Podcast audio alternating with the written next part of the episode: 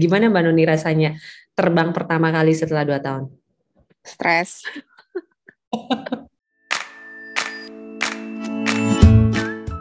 Hai, saya Noni. Saya Vini. Selamat datang di podcast Life as a Married and Single Woman. Di sini, kamu bisa dengerin cerita dari yang udah nikah dan yang masih single. Podcast ini nggak ada kesimpulannya. Cuman semoga bisa bikin kamu merasa nggak sendirian. Selamat mendengarkan.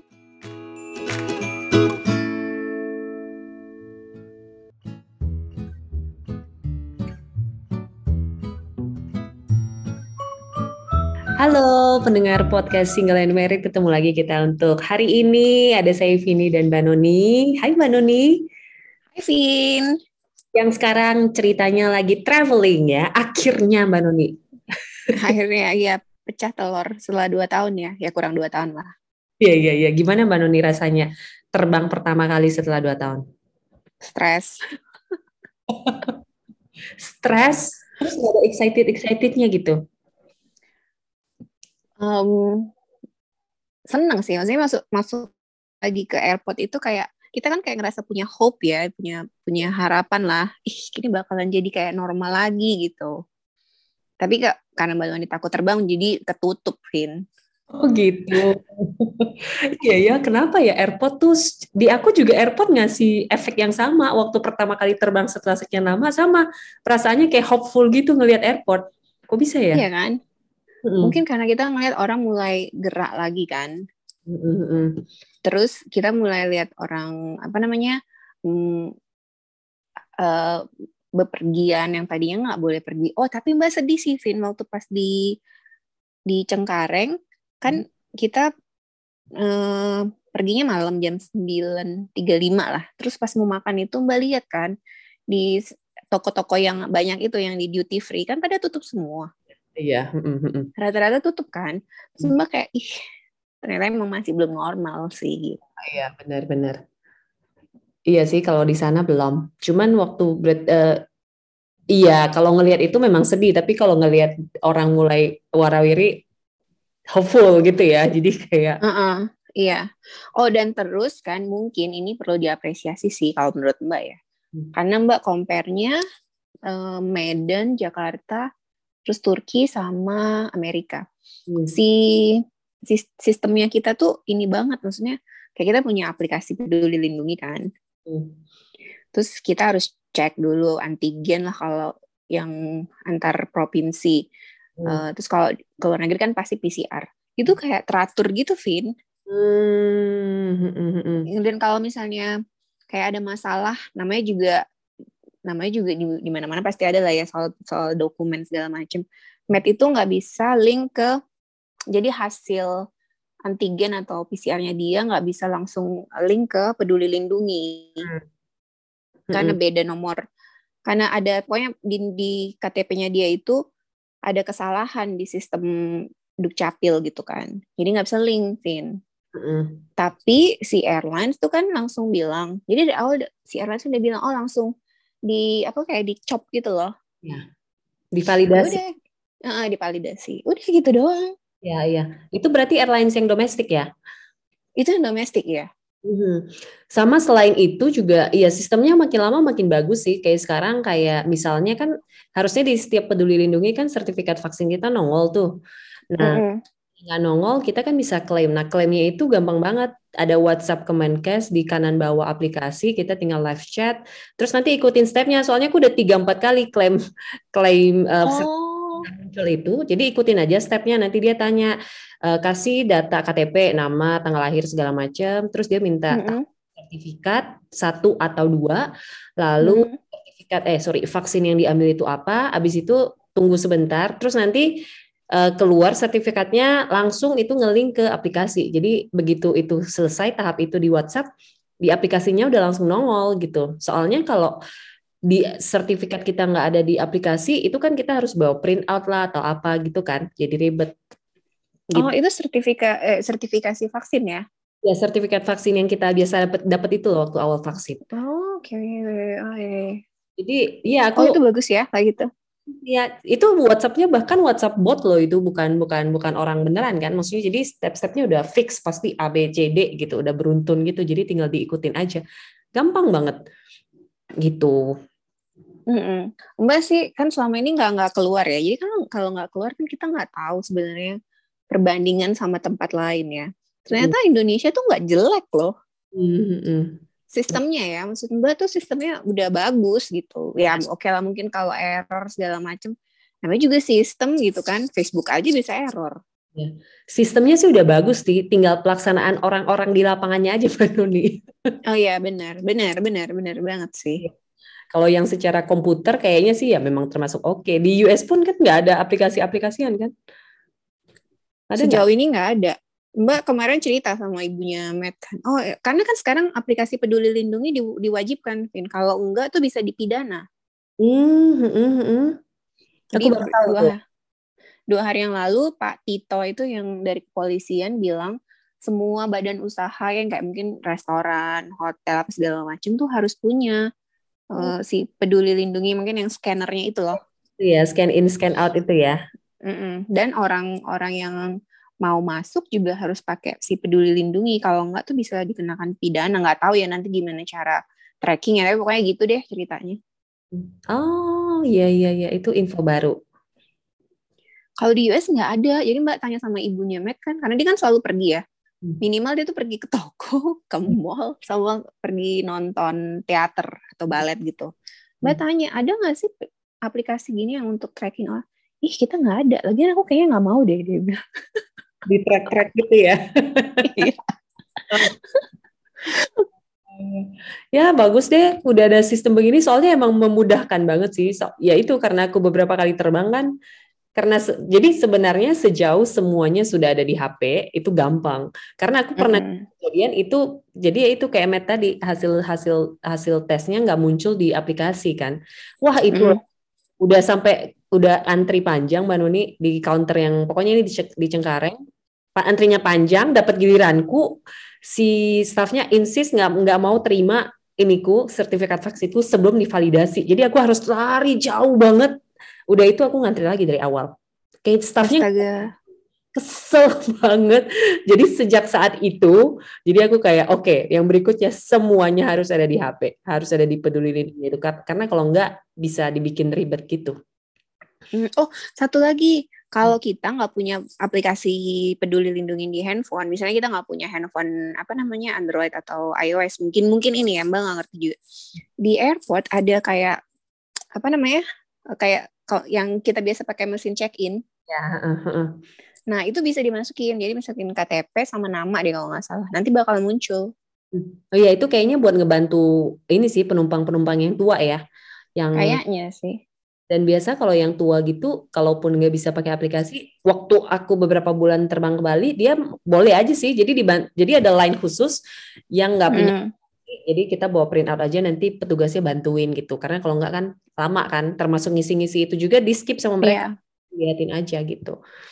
Iya, iya. Karena kan kalau terbang mungkin lebih uh, kalau ke mall mungkin nggak ada kali ya itu ya si si bootnya itu gitu. Tapi kalau di di airport ada. Kan nggak mungkin kalau orang maksudnya terbang tuh kan salah satu hal yang penting. Mungkin dia terbang mau ketemu anaknya atau apa gitu. Jadi memang ada yang itu yang si boot itu. Jadi, kalau ada orang bilang gimana orang kalau orang tua yang nggak punya handphone? Nah itu kejawab deh. Iya benar benar benar. Ya gitu deh semoga sistemnya makin bagus yang ngejalanin juga makin uh, oke okay, dan yang masyarakatnya makin taat ya pastinya. Mm -mm, mm -mm. ya benar Oke, jadi di edisi terakhir podcast Single and Married tahun 2021, wow, kita mau ngomongin apa, Mbak? kita ngomongin uh, ya gitu lah ya kejadian-kejadian besar yang ada di tahun ini ya. Tapi hmm. nggak serius sih, kayak cuman ya buat ketawa-ketawa aja gitu loh. Hmm. Dan ternyata waktu kita cari susah nyari berita rangkuman. Khususnya berita bagus ya. Iya, tapi Mbak ini lihat di Wikipedia, Vin. Uh, uh, apa tuh? Um, jadi bulan Januari ada banyak sih, banyak banget sih sebenarnya kejadian. Mulai banjir. Oke. Okay. Itu banjir di tempat kamu loh. Tunggu, ini spesifik Indonesia apa dunia? Dunia juga boleh. Semua lah ya, yang pokoknya yang lucu-lucu. Oh iya benar itu banjir di tempatku dan banjir iya banjir di Banjarmasin ya itu tulisnya ya. Heeh, uh -uh, uh -uh. 3 Januari banjir mulai melanda Kalimantan Selatan. Berarti waktu pas kita ngomongin banjir tuh pas Januari, Vin. Mbak Nuni tahu banjir itu ya kan di kantorku kan banyak orang yang asli Banjar. Itu mm -hmm. yang tidak pernah terjadi yang sampai-sampai orang tuanya tuh sampai bilang puluhan tahun aku tinggal di Banjar nggak pernah banjir kayak gini.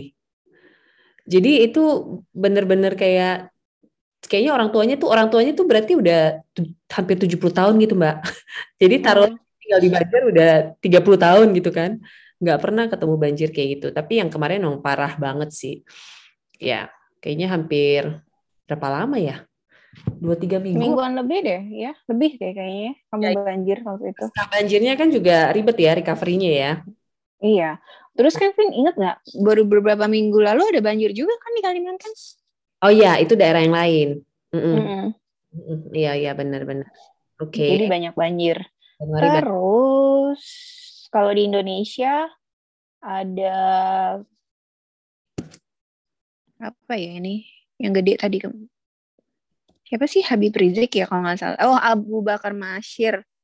Bebas. Itu oh. kayaknya kemarin sempat gede juga sih ya. Oke. Okay. udah gitu fatwa MUI MUI kalau uh, vaksin Sinovac halal dan suci bulan itu ternyata baru bulan Januari. Jadi kita udah mulai vaksin kayak bulan 3 kan? Iya benar benar. Iya ya, benar. itu. Tapi itu kayaknya berita gede sih mulai bisa vaksin. Mm-hmm. Oh dan akhir bulan Januari ini juga gede banget karena kan lucu sebenarnya. Presiden Jokowi dapat suntikan pertama. Oh iya benar itu yang heboh ya. Iya, oh, yang sampai hebohnya apa? Yang yang Pak Jokowi vaksin? Dokternya si profesor yang nyuntik itu sebenarnya sih. Tangannya ya. Iya. Iya iya iya itu memorable ya. Terus bulan Februari, oh banjir lagi Jakarta. Hmm. Terus? Hmm, terus, kayak cuman itu sih yang menarik kalau buat Mbak Noni. Mbak Noni linknya apa sih? Aku mau lihat dong apa dari id.wikipedia.org. Oke, oke, oke, lanjut. Masuk Maret ya. Oke. Okay. Uh, Maret. Uh, bulan Maret ternyata virus SARS COVID-2 garis keturunan B117 yang lebih mudah menular dilaporkan di Indonesia. Berarti itu berarti bukan bukan delta ya, lain ya? Kayaknya delta deh ya itu. Uh, Mungkin ya. Okay. Kita nggak nggak hafal ya. Buat yang dengerin kita nggak hafal tapi ya itu lah pokoknya. Terus apa nih yang menarik nih ya? Oh. Oh, oh kamu inget nggak yang uh, Partai Demokrat ribut soal Kongres luar biasa di di Sumatera Utara? Itu ya. ternyata bulan Maret deh. Apa? yang mendeklarasikan Muldoko, Kepala Staf Presiden Republik Indonesia sebagai Ketua Umum Partai Demokrat. Itu kan ribut banget, Vin. Iya, iya, iya. Yang berantem ya? Oke, oke. Dan iya. terus si Agus Hari Agus anaknya Pak apa namanya? Iya. Pak SBY itu bilang um, kalau hasil kongres itu nggak legal. Ya, nggak sah. sah. Ya, uh, uh. Oke. Okay. Itu ternyata bulan Maret. Udah lama banget ternyata ya. Terus 9 Maret vaksin vaksin COVID-19 Oxford Oxford AstraZeneca sampai di Indonesia dan hmm. bisa digunakan secara darurat. Udah dapat izin. Itu Maret. Bulan lalu 18 Maret ini kayaknya berita yang kamu suka sih. Soalnya itu bulu tangkis, Vin. Oh, Oke. Okay. Olimpiade ya? Yang enggak, yang All England 2021. Oke. Okay. Yang disuruh isolasi mandiri 10 hari. Itu kan yang itu kan yang pada protes kan, marah-marah itu kan. Iya. Ya terus akhirnya mereka nggak jadi tanding kan? Nggak jadi main itu ya. Mm. Hmm. Oke. Okay. Terus ada, wah bulan Maret ternyata banyak kejadian juga ya. Hmm. Ada bom bunuh diri di Makassar. Mbak nggak nggak tahu deh itu. Bu, oh kayaknya sempet dengar. FYI aku yeah, tuh yeah. ketemu loh di sini. Jadi Mbak Nuni aja terusin. Coba cek Wikipedia deh. Udah. Apa hasil Indonesia Indonesia dalam tahun 2021. Oke okay, ya. Apa hasil Google-nya lain? Oh, Wikipedia ada ada. Oke, okay, ketemu. Ada ya. Oke. Okay. Sekarang April Vin. Oke. Okay. Sebentar, Februari, Maret, April. April, siklon Seroja menewaskan puluhan jiwa dalam banjir dan longsor di Nusa Tenggara Timur. Hmm, terlewat Mbak ya. denger nggak ya? Eh Enggak. kok kayaknya Mbak tahu deh nih beritanya. Hmm. Gede tuh pas April ternyata ya. Terus apa lagi nih? Jadi pokoknya episode ini akan mengetes se-update apa kita dengan berita negara kita ya. Ternyata banyak banget yang nggak update. Penting, April, pemerintah melarang aparatur negara un- untuk mudik dan cuti eh, dan keluar RUU soal pembatasan bepergian ke luar negeri. Ini Iya. Karena mau lebaran situ. oh ini yang itu ya, yang heboh nggak boleh nggak bisa terbang sama sekali ya. Mm, mm, mm. Oke oke ya. Dan nggak boleh juga yang naik mobil itu loh. Ya karena Yang bertepatan jalan darat maksudnya. bertepatan dengan Lebaran ya, April. Iya. uh-huh. Sama Ap- Terus April kebanyakan sama apa, Vin? April kebanyakan eh, oke kalau awal awal awal April isunya masih soal yang itu pembatasan terbang itu eh, pembatasan mobilitas masyarakat terus Hmm. Ini- 21 April tuh, Vin. 21 April oh iya kapal selam TNI AL tenggelam Hmm. Itu sedih banget sih. Sedih. Pakai luar biasa sedihnya. Mm, mm, mm. terus apa lagi Mbak Hmm. Well, sebenarnya ada banyak kejadian. Lagi-lagi kita ingetin ya. Kita cuman bacain yang yang agak menarik sama kita. Banyak ini sih ya. TNI Polri yang apa namanya nangkepin nangkepin. Pokoknya ada hubungan sama teroris dan kayak gitu gitu lah. Ya Heeh, ini oh, banyak ya bulan April ya. Iya tapi rata-rata kayak gitu ya semuanya beritanya. Beberapa daerah di Indonesia deh gitu. Eh, bulan Mei. Masuk Mei Devin bal- bulan Mei temuan sari eh, varian SARS-CoV-2 keturunan B117 asal Inggris. Oh ini sebenarnya tadi yang varian ini kan ceritanya COVID-nya udah mulai bermutasi ya virusnya ya? Mm-mm. ya turunan-turunannya ya. Ini B117 Iya. Nggak tahu nih yang ada B117, B1351, terus ada B1617 dari India Ini berarti masa-masa yang Indianya lagi gila-gila banget ya. Itu ya ya. ternyata India yang gede banget tuh bulan Mei ya Hmm. Mm-mm, mm-mm. Hmm. Oke. Itu soal COVID terus Uh, Mbak baru tahu nih, 5 Mei, trio Fauki Firdaus meninggal dunia sehari setelah disuntik vaksin AstraZeneca dan mengalami pembekuan darah atau blood clot di Jakarta. Mbak nggak tahu loh ini.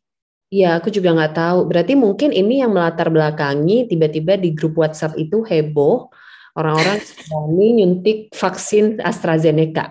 Iya nggak? Iya betul. Uh, ada sempat kan orang nggak mau kan disuntik AstraZeneca. Ya, dengan berbagai macam alasan versi WhatsApp grup ya. Mhm. Nah, Terus ada berita itu yang KPK Vin dinyatakan tidak lulus dalam tes wawasan kebangsaan. Oh, Ini ini kan eh, rame nih sebenarnya beritanya. Nih beritanya nih ya. Nggak tahu ya, ngomong-ngomong akhirnya gimana ya ini ya, kita nggak ngikutin juga ya. Kita nggak ngikutin, Mbak nggak ngikutin sama sekali sih. Ya. Terus, oke, ada ini dari KPK, penangkapan Bupati Nganjuk, oke. Terus 11 Mei, Vin. 11 Mei. Ah, Menteri BUMN sebentar, Menteri BUMN Erick Thohir memecat semua direksi PT Kimia Farma dalam rapat umum pemegang saham RUPS LB. Oh, ini yang kasus itu ya. Medan Yang di Medan deh kalau nggak salah.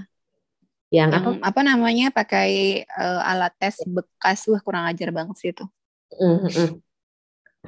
Oke.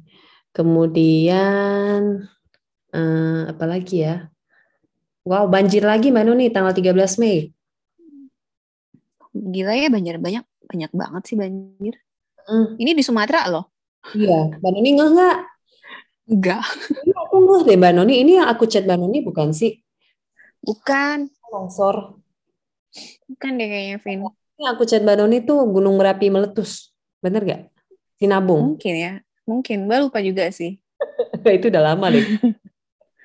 17 Mei itu menarik, Vin. Ya, Gojek dan Tokopedia mem- memperkenalkan bentuk Goto. Ini kayaknya merger ya mereka. Iya. Terus hmm. ini dan terakhirnya di di apa tuh namanya di su ya karena namanya udah dipakai sama perusahaan lain.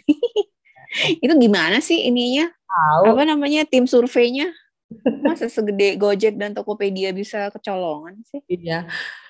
Terus apa lagi ya? Kok ini aku nggak tahu Mbak Noni tanggal 18 Mei? Jual beli. Nggak tahu. Oh ya. Jual beli vaksin COVID-19 Sinovac secara ilegal itu yang dijual 200 ribu itu loh.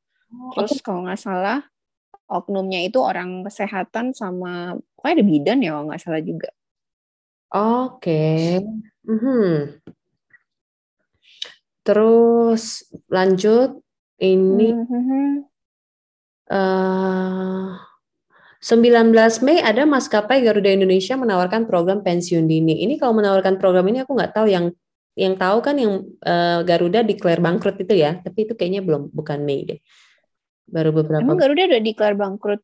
Empat kan? Secara publik ya? Belum. Uh, beritanya udah warawiri, cuman officialnya belum tahu. Terakhir aku dengar berita ini dua bulan lalu kali ya. Sekarang nggak kedengaran lagi. Oke, kita lanjut. Mungkin karena si Pak Erik sama Pak Jokowi udah bikin MOU kan, berapa hmm. bulan lalu deh, September apa Oktober ya, hmm. yang ke Arab itu, hmm. bisa jadi dapat suntikan dana. Eh, tap, tapi jangan dipercaya kita, kalian cek sendiri nanti beritanya. Benar-benar. Terus uh, apa lagi Mbak Mei? Tanggal 21 Mei sebenarnya Pak Jokowi mendorong pemimpin negara dunia lakukan langkah nyata atasi kesenjangan vaksin melalui skema COVAX Facility. Sebenarnya kita juga banyak dapat bantuan vaksin karena karena kayaknya pemerintah kita ikut skema COVAX ini sih. Ya, iya. Lobby-lobby itu ya. Hmm, jadi ya emang membantu sih ya. Walaupun banyak orang bilang nggak akan ada yang gratis ya. Tapi iya. ya ini kan pandemi, jadi memang harus segera gitu loh. Hmm. Ini 22 Mei aku nggak ngeh deh. Pemerintah Indonesia berhasil menjual surat utang negara dalam valuta asing yen Jepang senilai 13,21 triliun. Mbak Nuni sempat dengar aku sih nggak pernah nggak sempat dengar. Nggak tahu, nggak. Oke, okay. 24 Mei adalah berarti hari pertama keluar istilah PPKM yang kemudian jadi memes ya. Oh iya. Berlanjut terus nggak kelar-kelar. Uh -huh, sampai hari ini. Oke. Okay. Mbak Noni 23 Mei yang ketiga lucu deh. Coba baca. Kak 23? Eh Mbak kok nggak ada ya 23 Mei kan? Dari 22 langsung 24. Ini nomor 3. Oh, sinetron family drama FTV mega series Suara Hati Istri. Oh. Oh. Anaknya di bawah. Ini yang Iya, yang 14 tahun. Ya, oke oke. Aku pikir apa? Kenapa masuk sini? Oke, ini heboh ya, lumayan. Iya, iya, iya, iya. Hmm. 25 Mei. 25 Mei, 8 eh, juta dosis bahan baku bulk vaksin Sinovac tiba di Indonesia. Ini Mbak Noni ingat nggak awal-awal tuh, aku sih awal-awal setiap kali dengar berita ini kayak ngikutin banget, wow masuk nih 8 juta, masuk nih 5 juta gitu. Udah tiga kali udah nggak pernah yeah. ngikutin. Mbak kayaknya sampai Mbak dapat vaksin Mbak ngikutin. Oh gitu? Oh. Iya. Eh, sampai Med. Sampai oh. Med dapat vaksin, Mbak masih ngikutin setelah itu malah ngikutin lagi karena kayak oke okay, udah beres. Iya, kayaknya berarti patokanku itu juga kayaknya. Nggak mau tahu lagi dasar. Uh, oke, okay. terus siapa lagi nih? Hmm. Hmm, ada banyak sebenarnya ada banyak fenomena alam loh di sini. Iya. Yeah. Di bulan Mei. Tapi yeah. ya mungkin orang nggak nggak nggak juga dan nggak lihat juga ya. Oh. Apalagi nih? Mm, mm, mm, mm, mm, mm. Oh sebenarnya ini penting deh 30 Mei, Presiden Jokowi dorong inisiatif P4G lakukan langkah-langkah fundamental luar biasa wujudkan pembangunan hijau berkelanjutan saat pidato virtual pada konferensi tingkat tinggi di Korea Selatan. Uh. Tapi nggak tahu ya, maksudnya langkah-langkahnya ngapain gitu? KTT-nya sih sempat dengar ya, tapi ada isu ini nggak sempat dengar ya, nggak sempat tahu ya. Hmm. Hmm -mm. Terus terus uh, Juni, masa Juni kosong ya? Emang Juni nggak ada apa-apa? iya, Juni nggak ada apa-apa deh. Juni itu kan Lebaran ya. Eh, dan Juni Juli itu kan eh Mei Lebaran, Juni Juli itu kasus Delta lagi gila-gilaan loh. Oh, coba kita lanjut deh. Kita lihat ya di bulan Juli. Oke, PPKM pertama diperpanjang 3 Juli sampai 20 Juli. Kemudian hmm. AstraZeneca mulai masuk. Lalu hmm. Oh, Pak Tito tuh Menteri Dalam Negeri Mbak Noni yang tadi Mbak Noni sebut. Oh iya, bukan kepolisian ya? Udah. Habis dia dulu orang kepolisian sih. Oh, dia berarti iya ini jabatan baru. Maaf Pak Tito, salah. Oke, terus apa lagi? Uh... Oh, itu 3 Juli uh, eh, PPKM darurat Jawa Bali. Oke, ini berarti mulai tinggi-tingginya ya. Hmm. Oh, sebenarnya Kepolisian Indonesia memastikan akan melakukan tindakan yang tegas terhadap segala perilaku yang merugikan masyarakat, terutama di masa pandemi. Ada loh aturannya, Vin. 5 Juli. Ini berarti ini berarti setelah kasus-kasus tadi dong, ya kan? Iya, Mbak inget banget Juni Juli itu Delta lagi gila-gilaan karena Mbak Noni sendiri punya apa namanya adik Mbak Noni kena COVID dan meninggal akhirnya gitu kan. Jadi nggak kayak nggak mungkin lupa. Tapi ini nggak dibahas loh di sini. Hmm. Iya. Iya kan? Hmm. Mungkin sibuk orang Wikipedia yang isi ini pas bulan Juni juga Noni. saking sedihnya dan saking gelapnya ya, Jadi dark gak... banget kan. Jadi dia nggak mau tulis. okay. Terus um, mm, mm, mm, mm. banyak banyak inilah perpanjangan ppkm lah ini ya surat. Ya terus oh ternyata ada Hening Cipta Indonesia untuk uh, apa namanya untuk korban COVID. Terus, uh. pokoknya banyak bulan Juni Juli ini kayaknya banyak apa namanya yang yang dilakukan pemerintah ya emang untuk menanggulangi si COVID Delta itu tadi ya. Ya, yang 11 Juli juga menarik tuh. Ada uh, ini ya, doa bersama lintas agama for home itu sih. Hmm. Lalu 12 Juli itu yang si dokter Louis Owen, masih ingat nggak?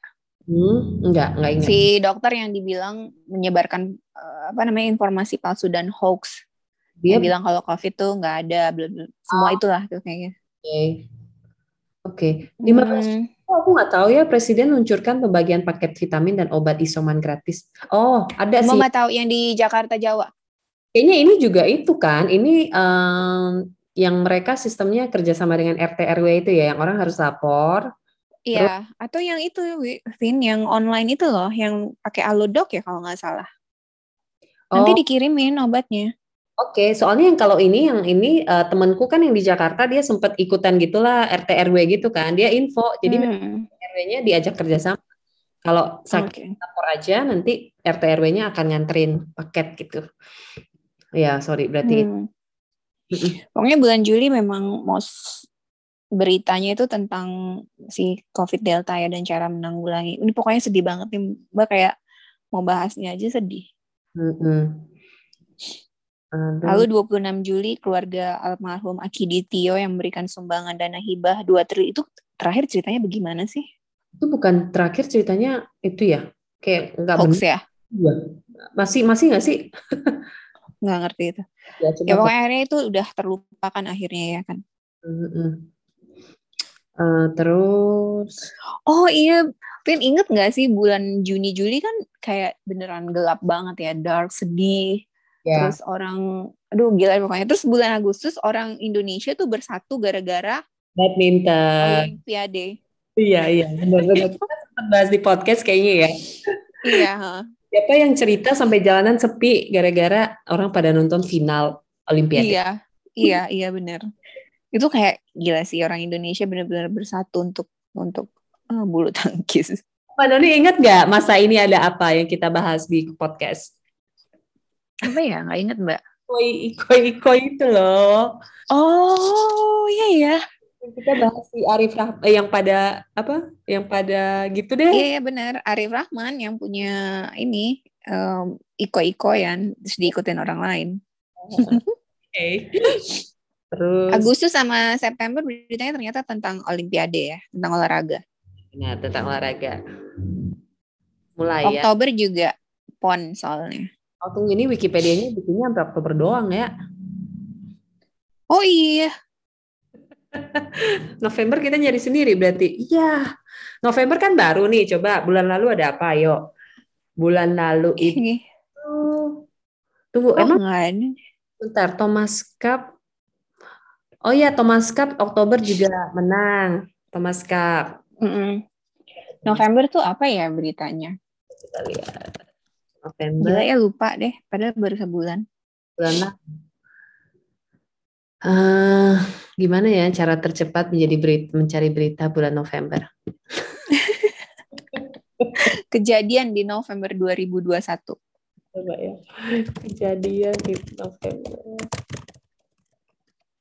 Uh, Apa ya, Mas? eh, apa namanya si selebgram yang kabur dari karantina tuh bulan berapa sih? Ah. November ya? Ah, coba ya. Ingat aja Mbak Nuni. Fanya kabur. November. Bener kan November. Itu kayaknya berita paling gede sih. Tunggu Mbak, ini ini tuh yang aku dapet itu awal November beritanya adalah kronologi. Berarti bisa jadi Oktober akhir kayaknya. Oktober ya. Hmm. Ya. Ya tapi pokoknya berita itu dibahas di November dan Desember. Soal si selebgram lari dari karantina. Ya. Terus eh apa sih? Ini kayak udah berita hiburan ya, entertainment ya kayak si kamu denger nggak sih yang Van- Vanessa Vanessa itu meninggal gara-gara kecelakaan di jalan tol. Mhm. Terus beritanya sampai hari ini masih masih masih booming. dan udah ke mana-mana ya beritanya ya. Hmm, udah entahlah, Dan udah nggak tahu lagi mau gimana. Sampai bapaknya udah jadi musuh se Indonesia kayaknya. Nah itu aku nggak ngikutin, cuman kayak wah ini udah udah udah terlalu jauh nih beritanya ya. udah udah nggak udah nggak masuk akal lagi kan. Dengan kasus as- kasus pertamanya, apa namanya yang Rahel V-nya ini kan juga lagi heboh sekarang kan, karena dia dibebaskan apa gimana dengan alasan Iya dibebaskan dengan alasan sopan. Tahu nggak sebenarnya kita lihat apa? Kita tuh harus lihat Deddy Kobuzer. betul sekali. Karena apa-apa yang lagi trending pasti dibahas sama dia. Lalu tahu gak sih aku kan sama temanku, aku baru ajak temanku bikin podcast di podcastku yang satunya itu, terus kita jadi Uh-huh. ngomong jadi Corbusier close the door. Iya. Ya kita kita komentarin podcast orang boleh nggak sih? Boleh lah ya. Dedinya nggak mungkin juga. Ya, Deddy juga nggak mungkin Iya. dengerin kita ya. Benar. Jadi emang eh, kalau mau cari isu bet- bener bener kata Mbak Nuni sih. Berarti kalau mau cari isu-isu terkini harus boleh merefer ke podcastnya Deddy Corb- Corbusier. Mm-mm. Terutama yang kontroversial, jadi harusnya ke situ gitu. Maksudnya bukan harus ke situ, tapi dia pasti ada tuh berita. Tapi kita nggak usah lah yang kontroversial kontroversial itu gampang kayaknya dapetnya ya. Apalagi ya Dia tapi mah enak sih kalau ada apa-apa dia banyak backingan lah. Kalau kita ya makanya itu kita cari berita indah aja Mbak Doni. Berita indah kayaknya nggak ada yang indah juga karena bulan November tuh sebenarnya nyebelin. Karena karantinanya kenapa? karantinanya di- Oh iya ya, kita curcol. benar benar. Mm-mm. Ta- Tapi semalam Mbak baca eh, apa sih Good News from Indonesia yang akunnya itu loh. Instagramnya dia. Dia kan punya beragam kabar baik dari industri pariwisata di tengah pandemi. Oke. Jadi eh, ada tour virtual. Mm. Ini kayak orang-orang yang nggak bisa ke mana-mana jadi bisa pakai tour virtual ini. Mm-mm. Sebenarnya itu dari tahun lalu ya, Vin. Ya betul banyak ya. Heeh. Lalu ada dark tourist. Kegiatan ini lahir dari kesedihan. Mbak kayaknya sumpah Mbak kayak males banget dan pergi jalan-jalan untuk ngeliat hal-hal yang sedih sebenarnya ya. Ya iya. Tapi ternyata ada orang yang seneng ya. Iya. Lalu ada wellness tourism. Hmm. Ini katanya Jogja, Solo, Bali, sama Tawangmangu yang lagi dikembangkan daerahnya. Kenapa Danau Toba nggak masuk ya? Kurang Lalu wellness nggak? Bisa dapat harusnya bisa dong. Lalu ada ekowisata. Terus? Ekowisata Indonesia, eh, Taman Nasional Komodo. Gimana ekowisata ya? Taman Nasional Komodo kan lagi ribut-ribut mau dibangun resort atau apa gitu. Lalu Raja Ampat, Kawah Ijen, dan Nusa Penida. Hmm. Dan em, katanya rencananya dari, dari tahun 2020-2024 akan ada 224 desa wisata. Jadi pengembangan desa wisata di Indonesia. Oke. Hmm, Terus tunggu, ini kan ini kan eh ak- khususnya aku kan punya itu kan. Mbak Dani mau lanjutin itu. udah kayaknya ini cukup ini aja. Jadi ini kan aku punya uh, sensitivitas tersendiri terhadap peraturan karantina ya. Ini ternyata ada berita oh. ada berita di Tempo soal gonta-ganti aturan karantina dari Juli sampai Desember. Kita lihat ya. Mm -hmm. Bulan Juli karantinanya 8 hari. Bulan Oke. Okay. Itu yang kamu kebagian ya, Vin? Ya betul. Eh iya betul betul. Berarti Juli sampai Oktober 5 hari. Hmm. Nah, Oktober sampai 3 November. Jadi tadi 14 Oktober sampai 3 November, 3 hari. Hmm. Uh, dari berarti 3 November sampai awal Desember jadi 10 hari, lalu dua hari yeah. jadi 14 hari. Hmm.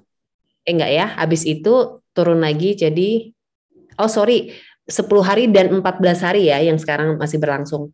Hmm. Awal Desember. Kalau dari US masih 10 hari sih sebenarnya. Iya betul, yang dari yang 14 hari kan beberapa negara negara itu 11 negara ya Afrika, Botswana, hmm.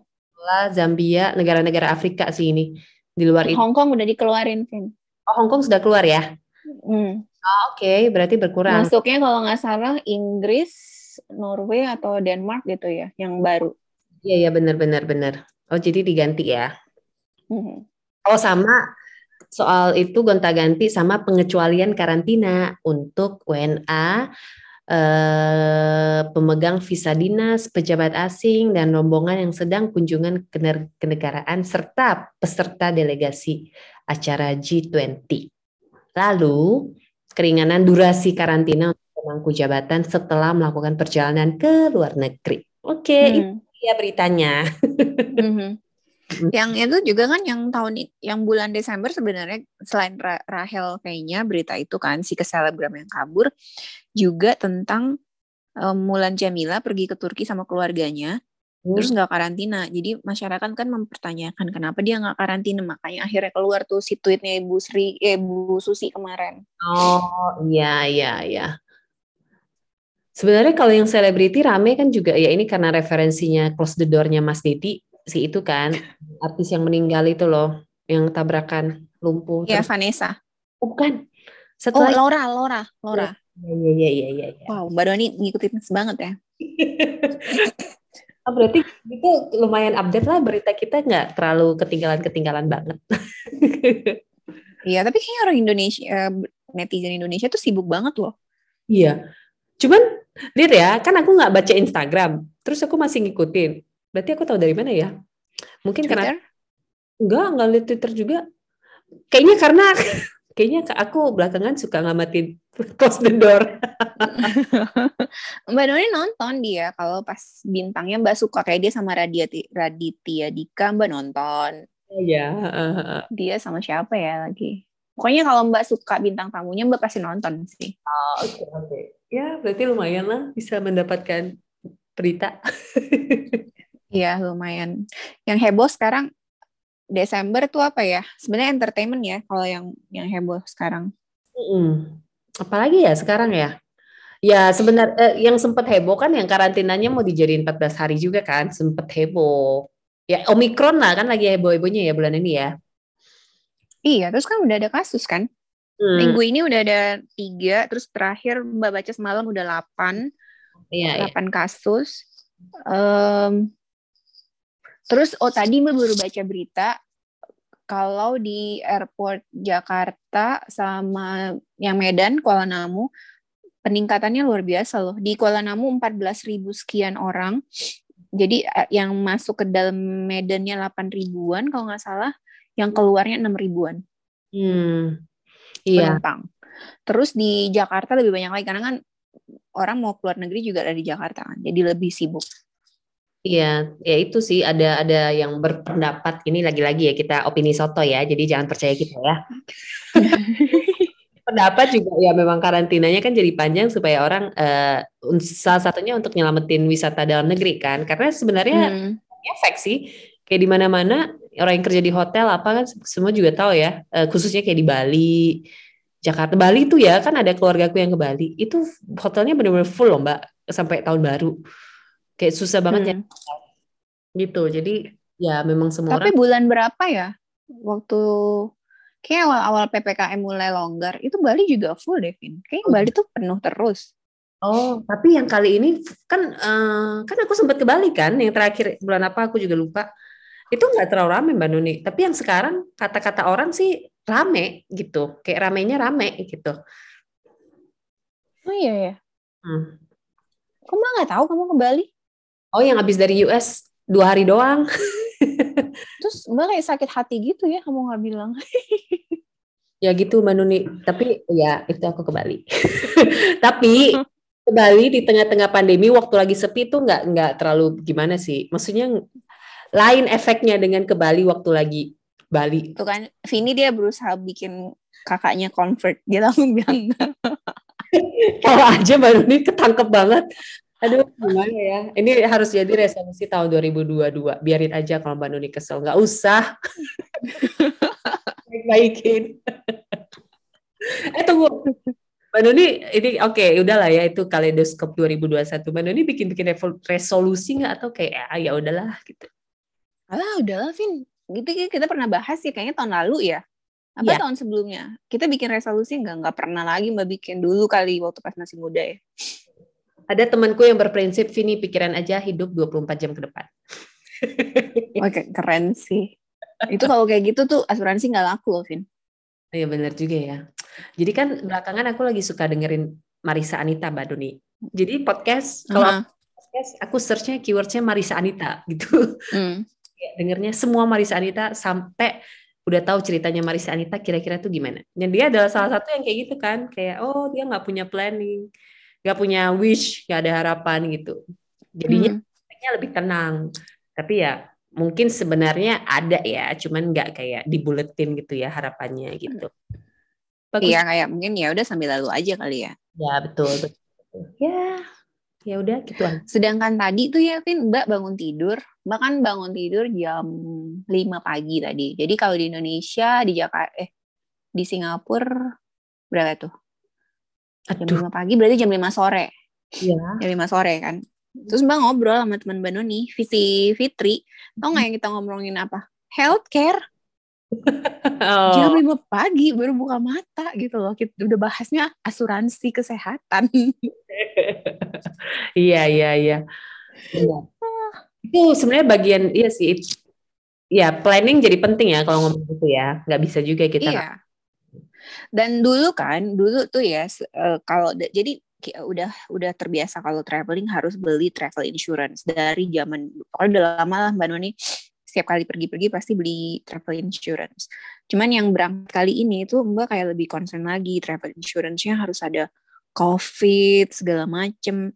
Hmm. Walaupun akhirnya Mbak tetap beli yang yang sama kayak biasanya, Vin. Karena yang Mbak bilang sama kamu itu susah banget beli online ya. Oh gitu. Iya, jadi dia tuh kayak nggak bisa beli online, belinya harus lewat uh, apa telepon terus nanti dihubungin sama pihak insurance-nya. Ya ribet ya kalau mau belinya last minute. Karena kalau orang travel insurance kan maunya mungkin belinya last minute ya kebanyakan. Hmm, Oke. Okay. Jadi kalau ya itu jadi, Hah? maksudnya mau pergi jalan-jalan aja ternyata kita mikir mikir mikir asuransi. Ya benar. Jadi kalaupun nggak ada resolusi, bolehlah kita berharap-harap dikit buat 2022. Apa dong Manuni sebelum kita mengakhiri podcast kita? Mbak pengen banget, mungkin COVID nggak akan mungkin hilang sih ya. Rasanya nggak mungkin lah dia hilang dari muka bumi ini gitu. Tapi bisa dijinakkan aja sih. Jadi orang bisa bisa apa ya bisa beraktivitas kayak semula walaupun mungkin pakai pakai aturan-aturan kayak mungkin prokes gitu-gitu kan hmm. itu nggak apa-apa gitu loh tapi bisa kalau iya. sekarang kan susah banget rasanya hmm. Iya benar. Mbak pas beli tiket semalam dan pas berangkat, benar-benar pas berangkat itu kayak ada beneran ada harapan gitu loh, Vin. Mm-hmm. Kayak oh berarti tahun depan ada kemungkinan nih bisa pergi lagi, maksudnya pergi ke, ke tempat yang lain gitu kan. Mm-hmm. Ya pas nyampe di sini beritanya tiba-tiba gitu lagi ya. Iya di Cina bahkan lockdown lagi. Ada iya. satu daerah namanya Xi'an, Xi'an atau apa gitu. Ya. Kalau kamu apa? Aku idem banget ini aja. Masa iya, Vin, nanti balik lagi ke Indonesia terus kita mesti di dalam rumah lagi setahun atau dua tahun kemudian konyol banget kan? Nah, kalau terkait COVID sih mungkin ya, ya ini nggak tahu juga ya. Ya semoga maksudnya penanganan COVID ditangani dengan ya benar-benar nanganin COVID gitu. Nggak banyak. Kita kan suka secara kita masyarakat awam ya, kita kan kayak sering ada spekulasi, oh ini politik nih, ini apa nih, ini apa nih gitu kan. Mm-hmm. Bisa coba di nggak tahu deh mungkin apa enggak ya gitu. Atau beneran beneran politik apa enggak gitu. Tapi ya ya kalau memang itu ada solusinya memang untuk kebaikan ya udah jalanin gitu. Tapi jangan ada agenda-agenda setting gitu ya. Iya terus kalaupun memang misalnya misalnya gitu ya ada aturan Mbak yakin sih aturan dibuat itu kan untuk kebaikan kayak karantina itu hmm. Mbak bukan orang yang nggak setuju karantina, enggak Mbak oke okay, karantina malah mungkin eh, sebaiknya karantina tapi jangan selama itu mungkin 3 sampai tujuh hari maksimal lah. Ya, ya. Karena kan karantina kan harusnya kan base-nya kan ada kan ya. Virus itu berkembangnya berapa lama mm -hmm. kan. Jadi ya iya sebaiknya ya mengikuti acuan yang ada gitu, bukan kayak Iya semakin bagus gitu kan. Uh -uh. Terus kalau bisa juga ya nggak sesu sesulit itu kayak harus di hotel. Nggak ngerti deh ya gimana. Maksudnya kalau misalnya dia tinggal di rumah, terus rumahnya cuma dia tinggal berdua doang misalnya dan dua-duanya pergi. Terus mau karantina di rumah aja, harusnya bisa kan? Hmm, apa bedanya kan ya? tinggal disediain aja kayak apps gitu atau dipakein gelang jadi kalau keluar rumah langsung bunyi titit titit titit terus datang polisi gitu macam tahanan ya. Nggak apa-apa. Iya, iya, iya. di Hong Kong tuh kayak gitu dulu. Dulu nggak tahu yang aturan yang sekarang ya. Oh. Ya siapa tahu yang dengar dari kita ada timnya satgas covid gitu kan. Terus kayak wah ini ide bagus. Ah, mungkin karena ini ya kali ya. Karena internasional flightnya hanya buka di Jakarta doang Hmm, jadi maksudnya? Makanya mungkin ditaruhnya di hotel semua. Oh, lah. Emang kalau nggak di hotel, opsi lainnya nggak ada? Ya nggak. Ya, ya juga. Maksudnya gini, mungkin kan Anta nggak ngerti ya. Harusnya ada dong ya opsi lain ya. Uh, jadi ini sebenarnya Karena kita... para pejabat bisa karantina mandiri kan nggak dibilang pejabat yang rumahnya cuma di Jakarta. Iya betul. Cuma emang pejabat kan untungnya mereka ada rumah jabatan ya. Kalau masyarakat kan nggak ada rumah masyarakat yang bisa kita gunakan. Lo kalau pejabat rumah jabatannya di Sumatera atau di Kalimantan atau Sulawesi? Oh iya ya. Hmm betul juga. Apa mereka punya mes gitu? Nggak tahu. Iya ya. Terus yang Mbak rasa gini, oke okay lah pejabatnya dapat, tapi keluarganya kan bukan pejabat. Nah, itu dengarkanlah cerita kami berbalut curhat. Iya. Curcol. Karena Mbak Noni deg-degan akan kembali ke sini dan karantina. Emang nggak apa-apa karantina, Vin. Sungguh nggak apa-apa. Tapi maksudnya jangan sampai lama banget gitu loh. Kalau di aku yang ganggu adalah ketidakjelasannya sih. Maksudnya tidak jelas nggak apa-apa ya karena taruhlah memang situasinya susah diprediksi gitu. Cuman kayak ada uh, ya itu kayak ada um, pergantian peraturan yang hmm. perda yang mendadaknya tuh banget gitu. Jadi ya ya udahlah ya memang dibilang kan memang masa-masa ini susah bikin rencana ya. Jadi yeah. ya dan dari itu sih. Dan gini sih, sebenarnya kalau mau komplain juga nggak mau karantina nggak boleh juga karena gini kan oh. udah ada udah ada aturan sebaiknya jangan pergi-pergi gitu. Jadi kalau pergi ya kamu harus terima resiko. Resikonya adalah lo harus karantina gitu kan. Tapi yang jadi masalah adalah karantinanya jangan lama banget. Karena makin lama makin mahal gitu. Iya. Iya, benar. Eh Mbak Doni, tapi kita kalau ngomong gitu ya, kayak hari ini aku baca berita kan lagi rame juga kan ini orang eh, orang-orang yang balik dari luar negeri terus mereka request karantina di Wisma Atlet dan karena nggak dikasih kan Wisma Atlet kan ketentuannya ada ya untuk hmm. untuk siapa TKI pekerja sama apa ya pokoknya ikut lomba itu gitu-gitu deh bawa nama negara dan perasa harusnya sih kita, kita yang sebelum berangkat kita udah tahu ya kalau ya Wisma Atlet memang diperuntukkan untuk itu aja. Dan ini yang berita yang aku baca hari ini kan heboh karena ya eh, ada mm, WNI dari luar negeri balik ke Indonesia, terus request di Wisma Atlet, sementara dia tidak masuk dalam kategori yang bisa di Wisma Atlet gitu, karena nggak dikasih protes wisatawannya. Eh si si yang baru pulang ini loh, terus heboh dan beritanya adalah wah kalau kamu bisa ke luar negeri, kenapa kamu nggak bisa bayar hotel untuk karantina sendiri? Ya gimana ya, kayak salahnya kok jadi menyalahkan semua orang yang ke luar negeri kan gitu. Padahal mm -hmm. ini. Tapi tau gak Vin, Mbak tuh sempat lihat ada satu orang ya jalan-jalan ke New York dia terus ikut lomba dia bukan dia ikut lomba bukan bukan lomba bukan lomba dari negara ya jadi bukan lomba yang disponsori sama negara itu dia di Wisma Atlet loh nginepnya oh nih kalau itu bener loh kata Pak Luhut iya iya iya iya nggak tahu deh postingan dia tuh dihapus atau disimpan nggak oh. ya gara-gara ribut ini Oh gitu. Ya gitulah balik lagi ya. Tadi kita punya sistem yang bagus tapi memang pelaksanaan di lapangan ya tetap kan yang ngerjain manusia ya. hmm, hmm, hmm. Ya kita udah tahu lah ya ada ada permainan karena kan sempet ke blow up tuh kasus si Rahel kan. Hmm, hmm, hmm. Jadi nggak tahu apa di bawah memang udah bersih atau sebenarnya Rahel tuh cuman siala aja. Ya betul. Ya semoga uh, kita makin happy lah ya apa pun yang terjadi dengan virus dan vaksin dan karantina dan segala macam. Iya. Sebenarnya selain selain si COVID itu yang lebih menakutkan adalah hmm, jumlah kriminal. Iya betul. Ya kan kalau di US tuh banyak banget penembakan. Kayaknya sekarang kasus penembakan makin nambah. Iya, karena orang depres juga kali ya. Iya, kayak kejadian yang semalam semalam jadi um, tadi malam itu ada penembakan di mall. Jadi bayangin di mall yang ketembak empat orang meninggal, terus yang nembak tuh satu orang. Jadi yang nembak dua orang, Pin. Oke. Okay. Dari ini ini sementara ya, nggak tahu uh, update-nya gimana. Mereka tuh cuman kayak berantem doang, terus tembak-tembakan. Oh, terus? Terus empat orang meninggal. Ya ampun. Horor banget gak sih? Maksudnya kayak, wah Iya. Ya, kayak di di Medan juga walaupun nggak tembak-tembakan tapi ada begal. Terus ada orang yang maling gitu kan, maling sampai tanaman aja dimalingin kan. Iya. Mm-hmm.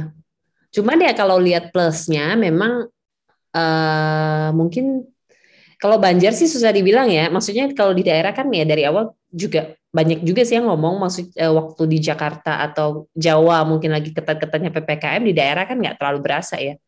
Mm-hmm tidak ditegakkan seketat di Jawa Bali atau gimana cuman memang kelihatan banget ekonominya berangsur-angsur membaik dari ya udah toko-toko udah jualan gitu-gitu. Maksudnya kalau dilihat dari sisi itu aja ya ada perbaikan gitu. Bisa bikin hopeful ya bisa gitu. Cuman kalau begitu ngelihat kerumunan yang udah nggak pakai masker itu antara pengen tegang atau pengen itu juga jadi yeah. kan gitu. gitu ya begitulah semoga tahun depan karena ini podcast terakhir kita di tahun 2021 hmm. jadi kita wishnya pasti untuk tahun depan ya semoga tahun depan lebih baik Devin yes orang-orang lebih sehat terus yang mau booster juga maksudnya orang yang mau booster ya gitu itu hmm. lebih gampang dapet uh, boosternya hmm, betul karena kan Januari kan mulainya iya Oke, okay, terima kasih buat semua yang udah dengerin kita tahun ini. Hmm. Um, semoga tahun depan kita masih bisa bikin podcast yang lebih seru lagi temanya. Dan kita semua sehat-sehat selalu. Amin. Amin. Selamat tahun baru. Oh ya, selamat Natal juga. Oh iya benar, selamat Natal dan selamat tahun baru. Bye.